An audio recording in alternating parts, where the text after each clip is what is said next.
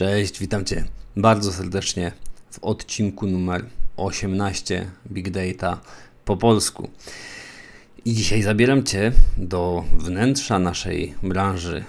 Przejdziemy się po jednej z ciekawszych technologii, właściwie jednym z ciekawszych rodzajów technologii big dataowych do przechowywania, przeszukiwania danych i to jest taki rodzaj technologii, który odmienił życie nas wszystkich. Troszeczkę już o tym mówiłem, natomiast dzisiaj powiem bardziej technicznie, ale nie przerażaj się. Nie przerażaj się. Oczywiście wszystko będzie po staremu, czyli mówimy normalnym, ludzkim językiem. Chciałem Ci po prostu opowiedzieć o bardzo, bardzo, bardzo ciekawej technologii. Mowa o technologii Full Text Search. Co to za technologia? Dlaczego odmieniła nasze życie? I jeżeli chcesz się w nią zagłębić, od czego można zacząć, jak to wszystko działa, o tym właśnie dzisiaj. Zapraszam serdecznie. Cześć, witam Cię w podcaście Big Data po polsku. Poznajemy tu wspólnie, jak działa świat, który, jak wiadomo, zbudowany jest z danych i rządzony jest przez algorytmy. Jesteś w dobrym miejscu. Jeśli interesują Cię technologie, biznes, społeczeństwo lub pogłębianie swojego potencjału, i to wszystko w kontekście danych. Ja nazywam się Marek Czuma. Jestem założycielem Riotech Data Factory. Firmy, która pomoże Ci zrozumieć Big Data w wymiarze technicznym i biznesowym. Nalej do kubka solidną porcję swojej ulubionej kawy. Pakuj swoje rzeczy i ruszaj ze mną w tą fascynującą przygodę.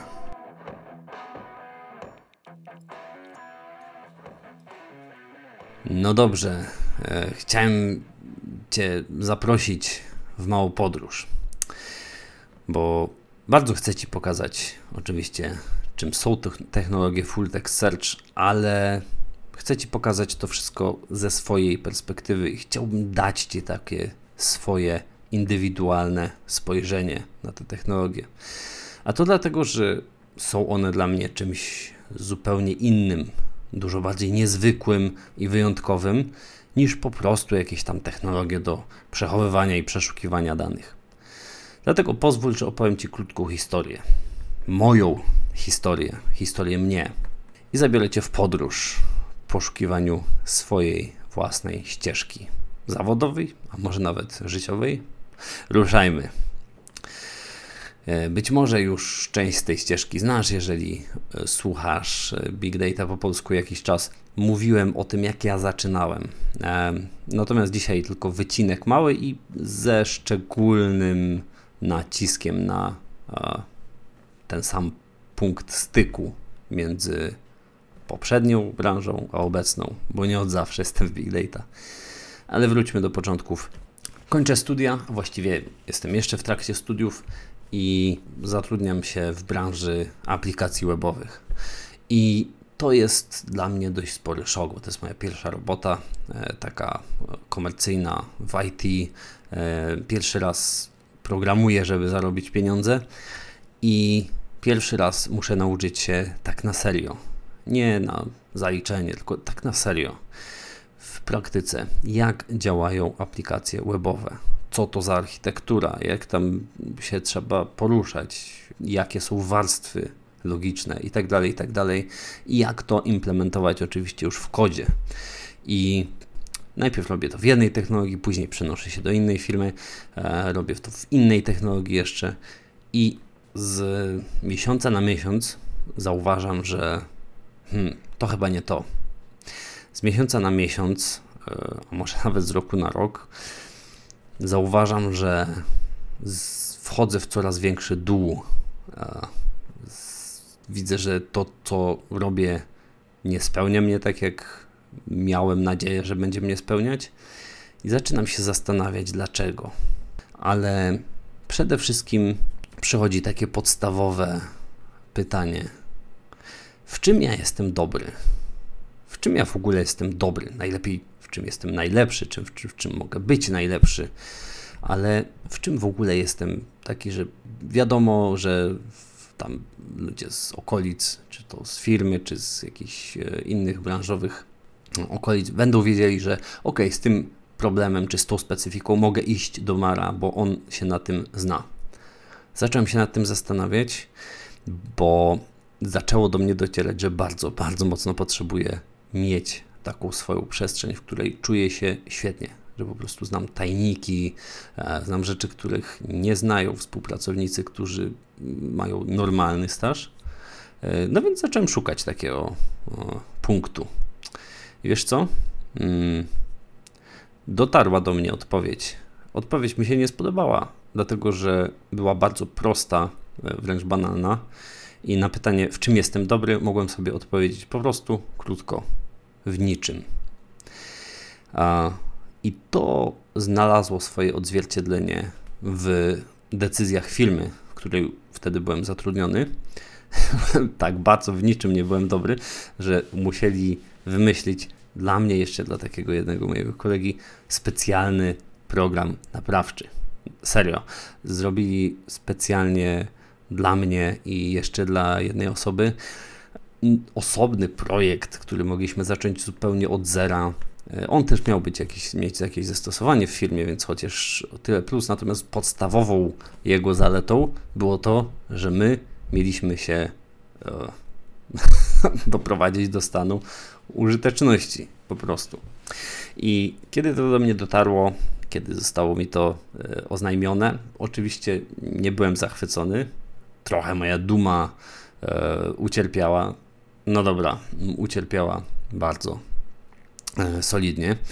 E, natomiast spojrzałem prawdzie w oczy, zastanowiłem się, jak jest obecny stan tak na serio, a nie w moich e, marzeniach, czy w tym, jak ja widzę e, siebie w swoich oczekiwaniach, w tym, jak powinienem wyglądać, jak myślę, że mu, może wyglądam, tylko tak na serio. Stanąłem wprawdzie, zastanowiłem się, doszedłem do wniosku, że decyzja firmy jest totalnie uzasadniona, a co więcej, byłem im wdzięczny, dlatego że e, no, nie był to na pewno jakiś E, cios wymierzony we mnie, tylko po prostu chcieli, żebym mógł się rozwinąć. Dlatego do dzisiaj jestem im za to wdzięczny. Program naprawczy e, wziąłem sobie całkowicie do, ser na, do serca, całkowicie na serio do tego podszedłem i jak już wiedziałem, że raczej w niczym nie jestem dobry, ale mogę zacząć trochę od nowa, to zacząłem się przykładać do każdej jednej rzeczy. Odrzuciłem część innych zajęć, którymi się zajmowałem i postawiłem na to. Muszę, jeżeli ktoś już we mnie inwestuje, muszę stać się w dobry w tym, co robię. Ale tutaj przyszło kolejne pytanie. Jak już zacząłem zauważyć, że ok, po tygodniu, dwóch, trzech miesiącu pracy nad tym, dzień w dzień, wedle konkretnej, e, dużo bardziej metodycznego podejścia, zaczynam stawać się coraz lepszy. Widzę punkty, w których faktycznie mi wychodzi. To było miłe, to było fajne. I zacząłem się zastanawiać już nie w czym jestem dobry, ale ok, skoro mogę kształtować realnie swoje umiejętności, to w czym ja chcę być dobry. E, czy to, co teraz robię, jest super? Jeżeli tak, to jaki fragment dokładnie tego, co robię, chciałbym poszerzać. I doszedłem do takich dwóch wniosków. Mm, pierwsza rzecz, tak, te aplikacje webowe, mogłem tam znaleźć coś dla siebie, ale druga rzecz, e, raczej nie na stałe. Jeżeli nie wiesz, e, jak wyglądają aplikacje webowe, tworzenie aplikacji webowych, to tak w skrócie powiem, że jest to branża, która jest bardzo mocno ustandaryzowana. To znaczy, tam dużo już jest technologii, które robią za ciebie i e, jeżeli nie robisz jakichś nie wiadomo jakich aplikacji, to zasadniczo polega to w dużej mierze, oczywiście nie tylko, trochę teraz banalizuję, ale w wielu, w wielu miejscach tak na tym polega, że muszę e, nauczyć się pewnych standardów, nauczyć się e, pewnych zwyczajów e, i jak, jak powinno być napisane to w takim kontekście albo w takim kontekście, jak powinienem zrobić to w tym frameworku albo w tym frameworku i tak powinienem po prostu pisać. Tam nie ma miejsca i to jest to, co do mnie dotarło bardzo mocno. Tam nie ma miejsca na to programowanie, które mnie od zawsze kręciło, już od liceum, być może nawet od gimnazjum, e, czyli programowanie, gdzie ja mogę skupić się na logice, programowanie, gdzie ja mogę stworzyć swój mechanizm działania, programowanie, gdzie mogę e, się wyszaleć tak twórczo. To było coś, co było dla mnie zawsze najważniejsze w programowaniu. Mogę być twórcą czegoś, mogę mieć swoją przestrzeń do inwencji, e, do inicjatywy. Mogę się zastanowić, jak poprawić różne rzeczy i tu nie poprawić w jakimś detalu, tylko naprawdę mogę coś napisać inaczej. A mogę popracować z danymi, z algorytmami. Tego wszystkiego mi tutaj brakowało. E, chyba, że miałem taką namiastkę, że praco mogłem pracować albo na frontendzie, albo na backendzie.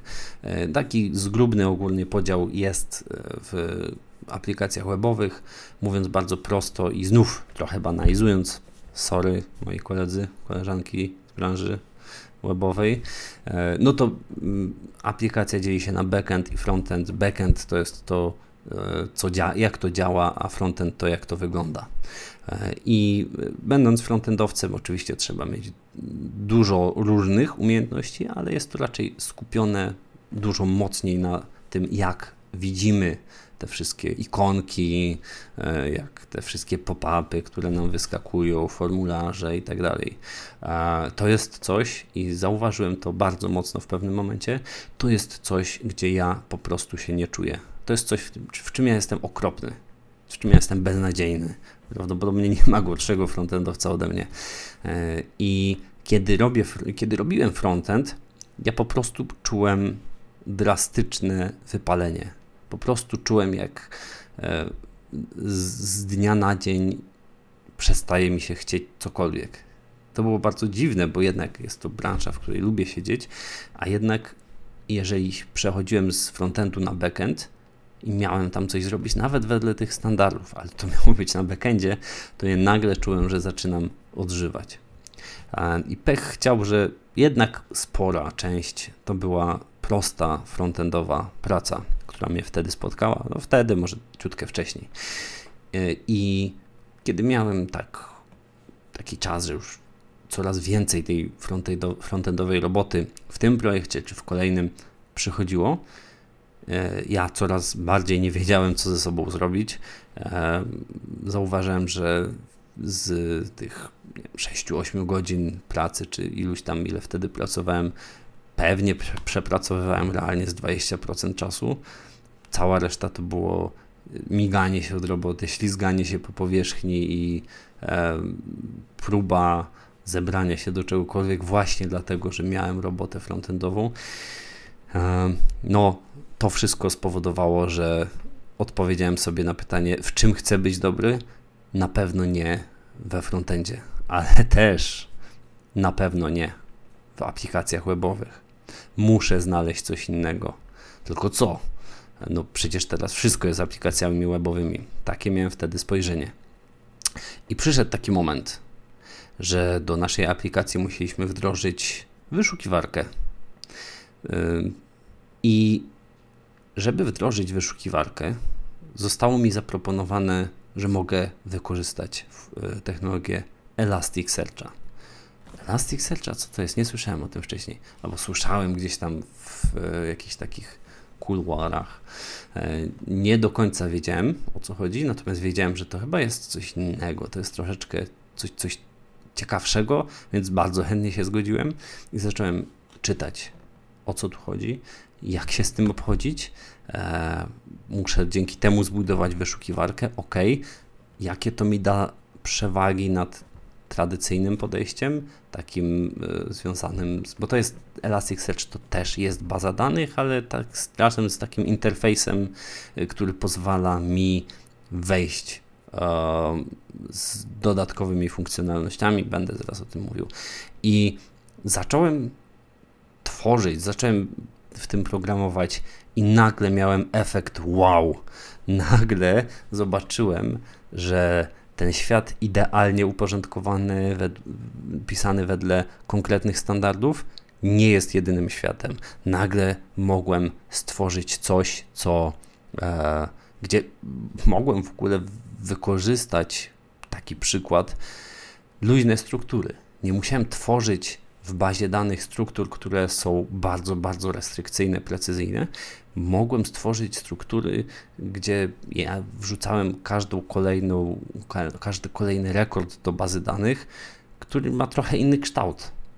To było dla mnie niesamowite objawienie. Ja, co prawda nie jest to najlepsza, najlepszy standard, dzisiaj to widzę, ale wtedy samo to, że mogłem to zrobić, to było coś niesamowitego. Mniejsza standaryzacja, efekt wow, kiedy zobaczyłem, jak mogę wejść po poznawać technologię, która jest zupełnie inna niż te webowe, które znałem do tej pory. I zobaczyłem, że tu są dużo większe możliwości, że tu otwiera się świat, który był do tej pory dla mnie kompletnie nieznany. Świat, w którym właściwie możliwości są nieograniczone, możliwości są dyktowane tym, co ja wymyślę, dlatego że technologia daje mi tak dużo funkcjonalności, które mógłbym nazwać magicznymi, że aż ciężko w to uwierzyć. I to jest, sama implementacja nie jest bardzo trudna, co ciekawe. I to był dla mnie punkt kulminacyjny. Od tej pory za zauważyłem, że mogę robić coś innego, mogę robić coś ciekawszego, mogę robić coś w zupełnie innym języku programowania niż do tej pory, który mnie już coraz bardziej denerwował. I tak zacząłem też poznawać świat Java, świat skali, z którym jestem do dziś e, i, i w którym jest mi bardzo dobrze. I Elasticsearch spowodował, że zacząłem wchodzić w zupełnie inny świat, poznawać, dowiadywać się też, co to jest big data, bo wcześniej słyszałem, że jest coś takiego, ale nie do końca zdawałem sobie sprawę z tego, jak to działa. I po, zacząłem powolutku myśleć, że być może mógłbym to robić na pełen etat. I to był początek długiej drogi mojej, tak naprawdę big dataowej. Jeszcze wtedy nie podjąłem decyzji o przebranżowieniu się, ale to był już ten moment, w którym ja zdecydowałem, albo byłem bliski decyzji, ok, chcę wejść w coś innego. Chcę, żeby te technologie webowe nie były całym moim życiem. I, mm, i Elasticsearch to jest właśnie technologia Full Text Search. To jest właśnie technologia, która pozwala, no właśnie, odpowiedzmy sobie na to pytanie, co to jest za technologia. Powiem o Elasticsearchu, ale to nie jest jedyna technologia Full Text Search i one mają to samo zastosowanie. Wszystkie. Wszystkie dwie, bo na rynku są dwa podstawowe, e, dwie, dwie podstawowe technologie. One pozwalają ci zbudować bardzo, bardzo zaawansowaną wyszukiwarkę. Wyobraź sobie, że chcesz stworzyć bloga kulinarnego mm, i no, jak to blog kulinarny ma przepisy. E, masz ich bardzo dużo. E, I one składają się nie tylko z bardzo jasnych, klarownych e, danych, takich jak cena produktów, które musisz kupić, czas pieczenia, czy nie wiem, nazwa tak? albo jakaś kategoria. To są takie proste dane, które zwykle upakujemy w standardowej, klasycznej bazie danych. Natomiast jeżeli chcielibyśmy zbudować mm, bloga kulinarnego, to te przepisy mają przede wszystkim bardzo dużo e, i to mało ustrukturyzowanego tekstu. Zauważ, podstawowa rzecz, opis jakiś E, jakieś opinie najpierw dotyczące tego, jak to wyjdzie, jak już zrobisz, jakie będzie smaczne. Potem krok po kroku, lista e, też e, składników, później krok po kroku, jak to zrobić, dodatkowe uwagi jeszcze. To wszystko sprawia, że taki przepis, jeden przepis jest naprawdę bogatym zbiorem informacji, głównie tekstowych. Jeżeli chcielibyśmy teraz zrobić na tym blogu wyszukiwarkę, E, to wyobraź sobie, że chcesz wyszukać na przykład, e, no co byś chciał albo chciała, pomyśl sobie, masz e, kilka sekund na zastanowienie. Ja w tym momencie chciałbym zjeść coś wytrawnego Mm, I niech to będzie na przykład y, coś włoskiego, jakiś makaron. Makaron, e, napisałbym makaron wegetariański prosty. E, wpisuję w wyszukiwarkę i co wyskakuje mi 15 różnych przepisów. E, jakie to mogą być przepisy? No najczęściej tak jakbyśmy wpisali w Google coś w stylu makaron z cukinią, bardzo proste do zrobienia, albo wegetariańska pasta, e, ultra szybkie, coś w tym stylu. Nie? E, rzeczy, które bardzo do nas pasują, dają nam to, co my chcemy. Dają nam te przepisy, które oczekiwaliśmy, bo wpisaliśmy makaron wegetariański prosty albo szybki. I chcemy dokładnie tego. Chcemy makaron z cukinii, chcemy makaron ze szpinakiem, bez mięsa. Chcemy, żeby robiło się go szybko, albo żeby był prosty, albo poniżej 10 minut. I zauważ, to jest to, co ty dostajesz, ale to nie jest dokładnie to, co ty wpisałeś czy wpisałaś. Bo jeżeli chcielibyśmy przeszukać ten zbiór dokładnie po tych słowach, to prawdopodobnie nie znaleźlibyśmy ani jednego przepisu, bo prawdopodobnie żaden przepis nie jest opisany dokładnie tak. Czyli gdybyśmy zrobili taką prostą wyszukiwarkę, najprostszą na świecie i chcieli tam e, znaleźć ten, tą frazę, to musiałby być na przykład tytuł, który jest dokładnie taki sam. Makaron wegetariański prosty. Jeżeli by to nie było, to nie zostałoby to wyświetlone podczas wyszukiwania. E, natomiast wyszukiwarki Full Text Search to są takie e, technologie Full Text Search pozwalają zbudować takie wyszukiwarki, które no właśnie przeszukają cały tekst, bo to jest wyszukiwanie pełnotekstowe, przeszukają cały tekst i znajdą tam takie odpowiednie frazy e, w tak zaawansowany sposób, żeby jak najlepiej dopasować do Twoich potrzeb.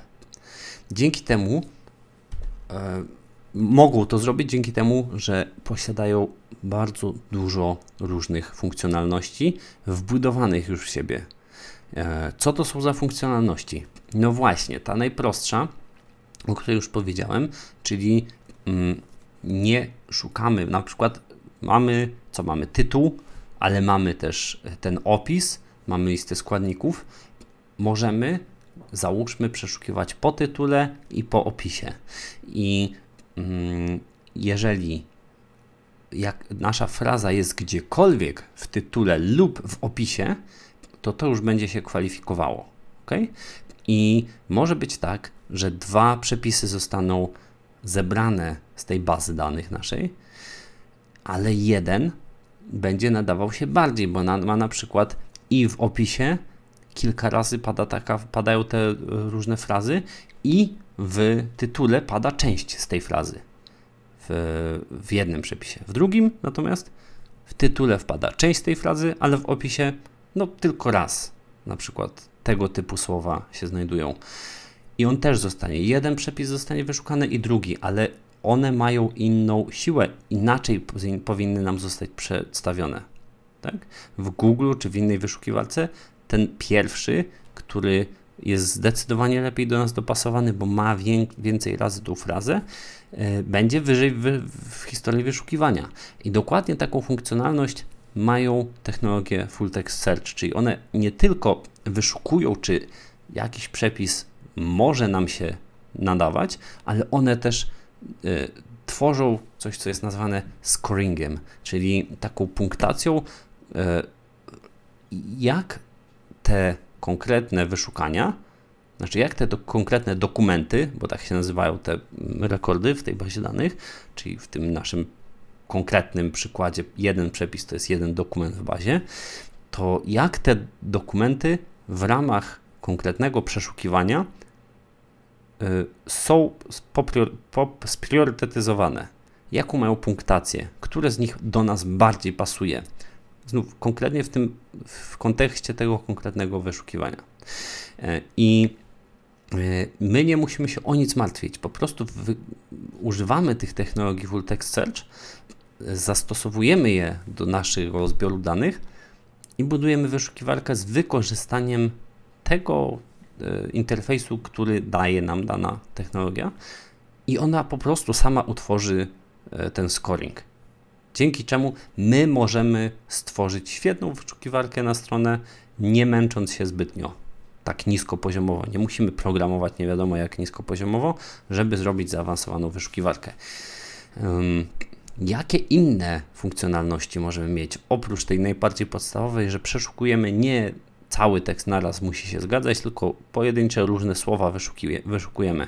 No, możemy na przykład e, zrobić coś, co nazywa się bardzo e, profesjonalnie proximity search, czyli sprawdzamy, czy ta dana fraza, którą wpiszemy, jest, da się ją stworzyć z tekstu. Czy w tekście da się ją znaleźć w jakiejś konkretnej odległości. Już tłumaczę o co chodzi, bo to może wydawać się zawiłe. Wyobraź sobie, że jest napisane na przykład w tytule mm, makaron wegetariański. My, my chcemy znaleźć makaron wegetariański prosty. I w tytule mamy coś takiego. E, makaron bez mięsa w nawiasie wegetariański, ultra prosty. Czy ta fraza, którą my wpisaliśmy, jest dokładnie tą? Nie jest. Ale czy dałoby się ją ułożyć z tych słów? Dałoby się, tylko musielibyśmy te słowa trochę poprzestawiać, nie? Czyli zamiast prosty, ultra prosty, musielibyśmy to słówko prosty trochę przesunąć w lewo. E, musielibyśmy wywalić kilka słów, tam było bodajże e, bez mięsa i tak dalej, i tak dalej. I każde takie przesunięcie to jest jeden krok w naszej odległości. I szukamy, staramy się przesunąć tak te wszystkie wyrazy, żeby e, ułożyć naszą jedną frazę. I e, możemy szukać takich dokumentów, które mogą mieć tą frazę na przykład w odległości poniżej 10, czyli poniżej 10 takich różnych przesunięć. A inna funkcjonalność, możemy szukać konkretnych słów z konkretną odległością. To z kolei pozwoli nam na wyhaczenie literówek. Nie będę się zagłębiał oczywiście w algorytmy, opisywałem to też na LinkedInie, to zachęcam. E, natomiast e, polega to mniej więcej na tym, że jak mamy jakieś słowo, e, to jeżeli zrobimy na przykład kamień, to słowo kamień będzie stało w odległości 1 od kameń. Czyli jeżeli wywalilibyśmy tą jedną literkę albo zamienilibyśmy miejscami literki, to będzie to słowo, które jest blisko tego docelowego. I my możemy zastosować bardzo prosto taką, taką funkcjonalność, która jednak bądź co bądź jest dość zaawansowana, a pozwala nam co? Pozwala nam stworzyć funkcjonalność wyszukiwania literówek, bo jeżeli przeszukujemy, chcemy coś wyszukać, nawet zobacz sobie, jak przeszukujesz w Google czy w innych wyszukiwarkach internetowych, na pewno bardzo często robisz literówki i Google ci podpowiada, jaka fraza powinna być ta właściwa. E, I tam jest właśnie prawdopodobnie zastosowany podobny mechanizm. Tak, on widzi, że ta twoja, e, twój wyraz niekoniecznie jest tym, który chcesz wyszukać, natomiast jesteśmy w stanie to zignorować, jeżeli jest bardzo blisko jakiegoś innego wyrazu, który mógłby znaleźć. To są podstawowe funkcjonalności Y, tych technologii full text search. Natomiast jest ich bardzo, bardzo dużo, y, że wspomnijmy jeszcze tylko na przykład synonimy, czyli możemy określić, że na przykład pizza i placek to są dwa bliskoznaczne słowa. Więc jeżeli ja napiszę, dajmy na to, wyszukam sobie y, placek wegetariański, albo żeby zostawić ten wegetariański, placek z dużą ilością sera, to jest w stanie wyszukać pizzę serową pizzę 4 sery na przykład. Albo y, chcielibyśmy wyszukać, y, tu już powiedzmy w sklepie, w jakiejś Ikei, albo w naszych sklepach y, Agata Meble załóżmy, wchodzimy i chcemy wyszukać szafę. I wpisujemy szafa duża, brązowa. I co? On wie, że szafa i komoda to są wyrazy bliskoznaczne, że to są synonimy, więc on jest w stanie sobie to podstawić. I takich rzeczy jest bardzo, bardzo, bardzo dużo. E, mówiłem o tym technicznie, jak takie rzeczy się robi, jak się implementuje w Solarze konkretnie, w jednej z dwóch technologii e, wiodących, e, na YouTubie. Pisałem też o tym na newsletterze i pisałem o tym na LinkedInie trochę. Także zapraszam do tych miejsc, jeżeli masz jakikolwiek, e, jakikolwiek głód, ale taki delikatny, żeby zobaczyć troszeczkę bardziej w głąb, to tam tłumaczyłem, bardzo serdecznie zapraszam. Mm, natomiast takich funkcjonalności jest bardzo, bardzo dużo, nie będę tu wszystkich opisywał, jest ich na pęczki. E, chciałem tylko zarysować, czym są te technologie Full Text Search, jak one się, czym one się wyróżniają i dlaczego ja wtedy yy, programując aplikacje webowe miałem taki efekt wow. Już mam nadzieję, że rozumiesz. Po prostu mogłem bardzo prostym je, jednym znakiem albo jakąś jedną, jednym wywołaniem funkcji mogłem doprowadzić do tego, że e, będzie, będę mógł zrobić literówkę, a i tak znaleźć szukany dokument. E, więc to było dla mnie super. E, I Dlatego te technologie Full Text Search są dla mnie takie wow, bo można zrobić coś, co jest już bezpośrednio dla użytkownika. Nie jest jak na przykład w moim ulubionym Sparku, który naprawdę kocham szczerze, ale jednak on jest daleko od użytkownika, a e, technologie Full Text Search pozwalają zrobić wyszukiwarkę. E, no właśnie, przejdźmy do obiecanego e, punktu pod tytułem dlaczego to jest tak bardzo istotne. Czemu te nasze wyszukiwarki full text search e, mogą, nie, nie, nie mogą, tylko już zmieniły nasze życie. Sądzę, że już wiesz, mm, bo taką szczególną odmianą full text searcha są wyszukiwarki internetowe. Oczywiście tam jest dużo więcej niż tylko e, technologia full text search.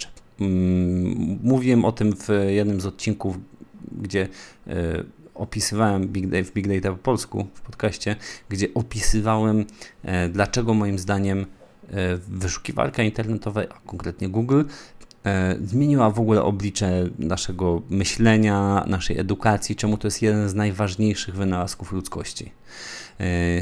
Zachęcam, zerknij sobie do tego odcinka. Natomiast nie byłoby to możliwe, gdyby nie sama koncepcja full text searchu. I to kompletnie zmieniło nasze podejście do, no właśnie chociażby do edukacji, do wyszukiwania danych. Nagle staliśmy się społeczeństwem, które ma bardzo do, dobry e, dostęp do danych, bardzo szybki dostęp do informacji, nawet już nie do danych, tylko do informacji. Możemy zdobyć ogrom wiedzy, przeszukać zbiory danych, które no, kiedyś się to nie śniło w ogóle y, władcom, żeby takie zbiory danych posiadać, a co dopiero je przeszukiwać z taką prędkością. My mamy to dzisiaj za darmo. Za darmo przynajmniej w kontekście finansowym. I e, to zmieniło nasze podejście do edukacji, do, do roli, jaką powinien pełnić nauczyciel e, i do bardzo wielu innych rzeczy. E, mówiłem dokładnie o tym w tamtym e, odcinku, natomiast to są zmiany, które są fundamentalne, zmieniły naszą cywilizację, nasze podejście do życia i nie byłoby to możliwe, gdyby nie koncepcja full text searchu. E, I to jest jedna rzecz. Dlaczego są one są tak bardzo istotne? Bo pozwalają nam zdobywać wiedzę.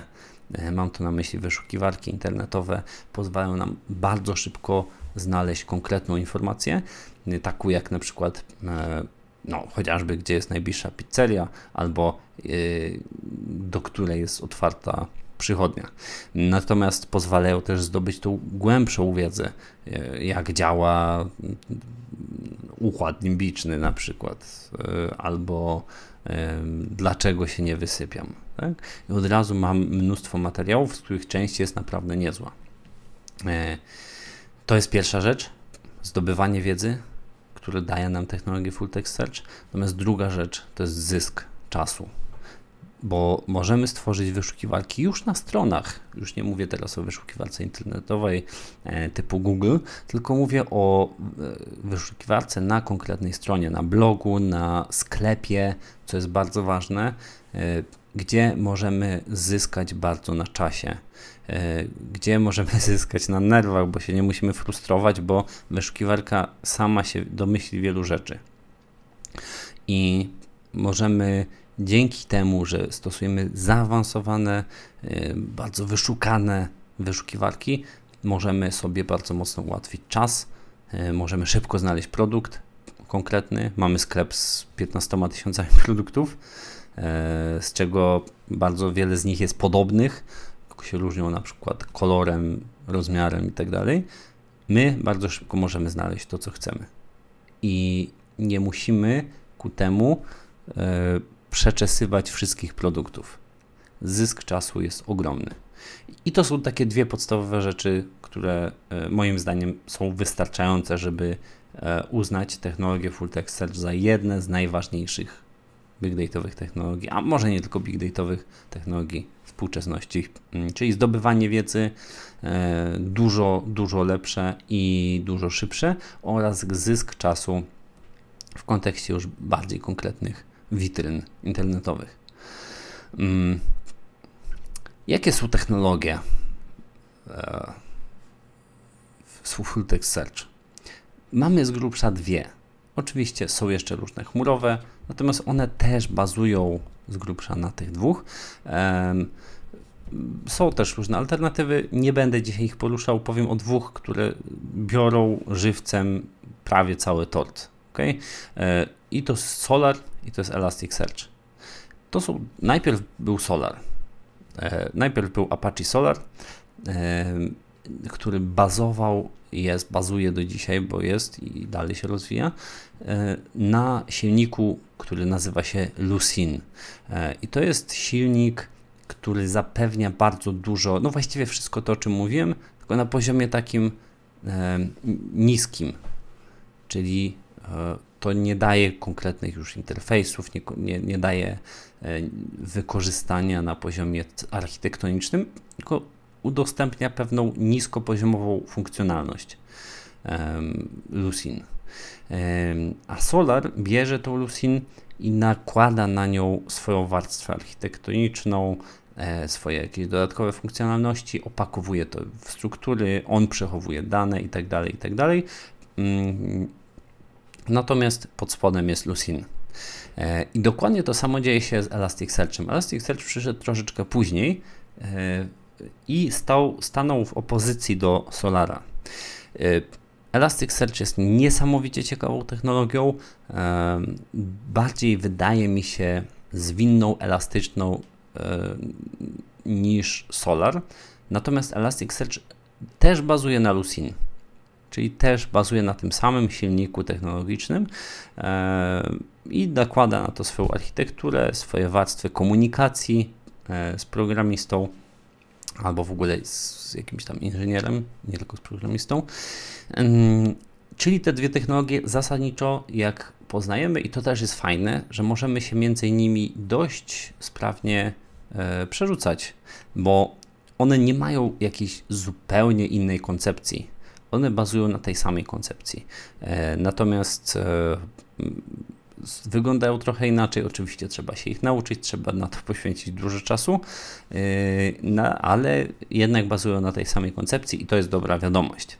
Natomiast jaka jest zła wiadomość? No nie wiem, czy taka zła, ale załóżmy, zła wiadomość jest taka, że trzeba się tego konkretnie pouczyć. Szczególnie jeśli mowa o solarze, bo to jest e, technologia, która jest ja ją zgłębiałem od początku roku bardzo, bardzo głęboko, bardzo poważnie na poziomie mm, zaawansowanym, e, bo, bo prowadziłem szkolenie z Solara i dlatego też później opisywałem dużo i do teraz jeszcze są wideo na YouTubie, będą wideo, e, będę pisał w newsletterze e, też, więc Solar teraz jest tutaj na tapecie jeszcze przez kilka tygodni. I Solar jest bardzo nietypową, ciekawą e, technologią, chociażby z tego powodu, że ma nietypową architekturę. O, też omawiałem, nie będę tutaj się w to zagłębiał, jako że to nie jest podcast e, bardzo taki techniczny. E, natomiast powiem tylko, że większość technologii big data, technologii, które pracują w trybie rozproszonym, to, jest, to są technologie, które bazują na architekturze master-slave, czyli jeden serwer nadzoruje inne maszyny, które rozdzielają, gdzie jest rozdzielana praca.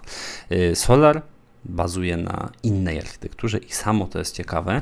Natomiast e, również to, że nie możemy tam na przykład stworzyć sobie tabel od tak po prostu.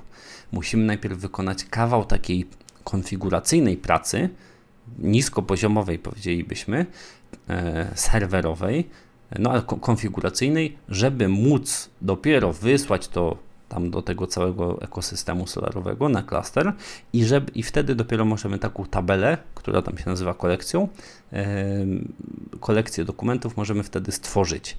Natomiast musimy stworzyć naprawdę, zbudować yy, dość zaawansowaną konfigurację wcześniej, żeby chociażby określić schemat tej kolekcji, czyli jakie mamy mieć pola, czy tam ma być tytuł, czy ma być y, jakieś y, pole duże tekstowe, czy mają być jakieś pola liczbowe i tak dalej. Tam nie ma nawet tak łatwo typów dostępnych. Nie możemy nawet już tworząc e, tą konfigurację kolekcji, sami musimy stworzyć typy. No więc takich rzeczy jest bardzo dużo. I co gorsza, mm, tak, chociaż w przypadku Elasticsearcha ten próg wejścia jest dużo, dużo, dużo niższy, e, no to w przypadku Solara po prostu trzeba poznać e, całość. Trzeba, nie, nie, nie można tak, że poznamy jakiś mały kawałek i już ruszymy. Niestety trzeba to poznawać e, no, krok po kroku, ale jednak jakąś tam całość. Więc jest sporo szczegółów, które trzeba ogarnąć, zanim ruszymy już do konkretnego projektu dużego.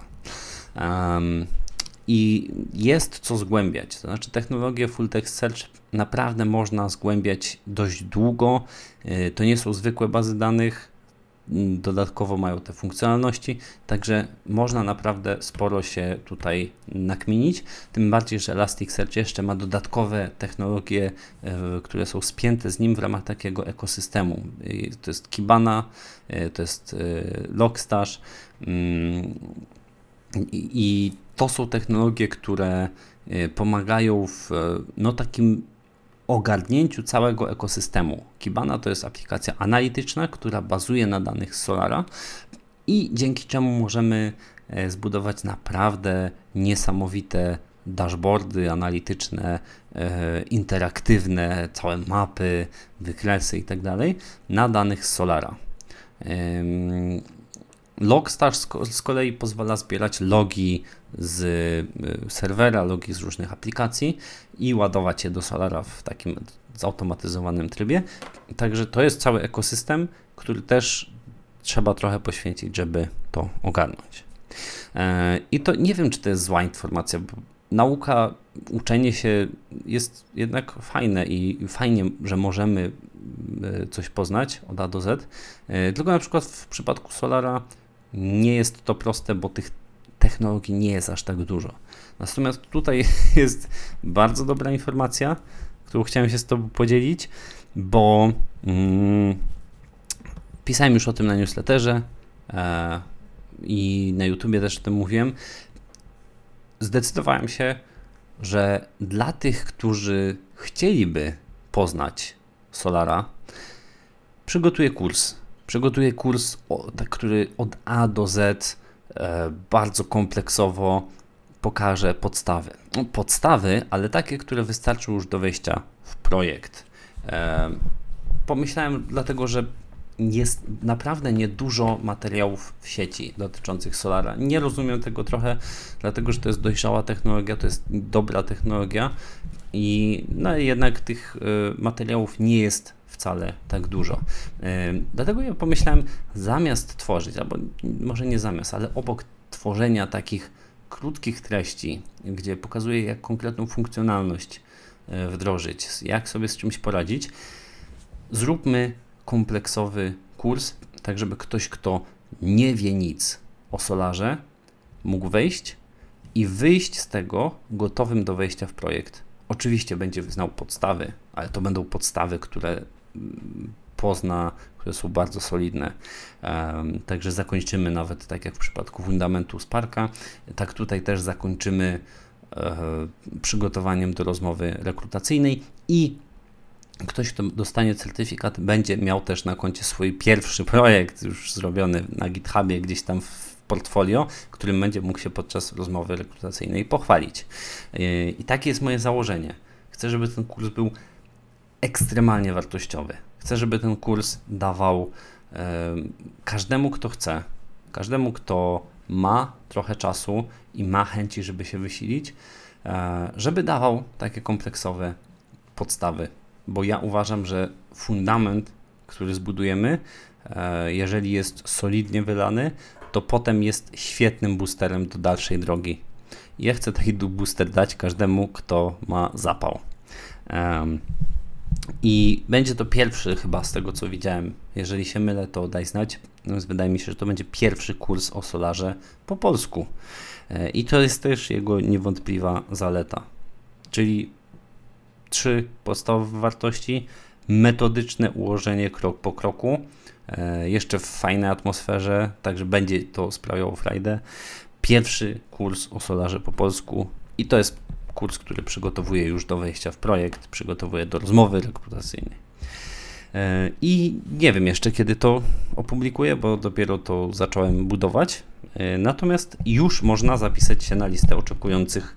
Jeżeli chcesz, to zapraszam. To jest newsletter, ale nie będziesz tam na razie dostawać maili. To będzie taki cichy newsletter. E, I on zacznie y, być mniej cichy w momencie, w którym ogłoszę premierę.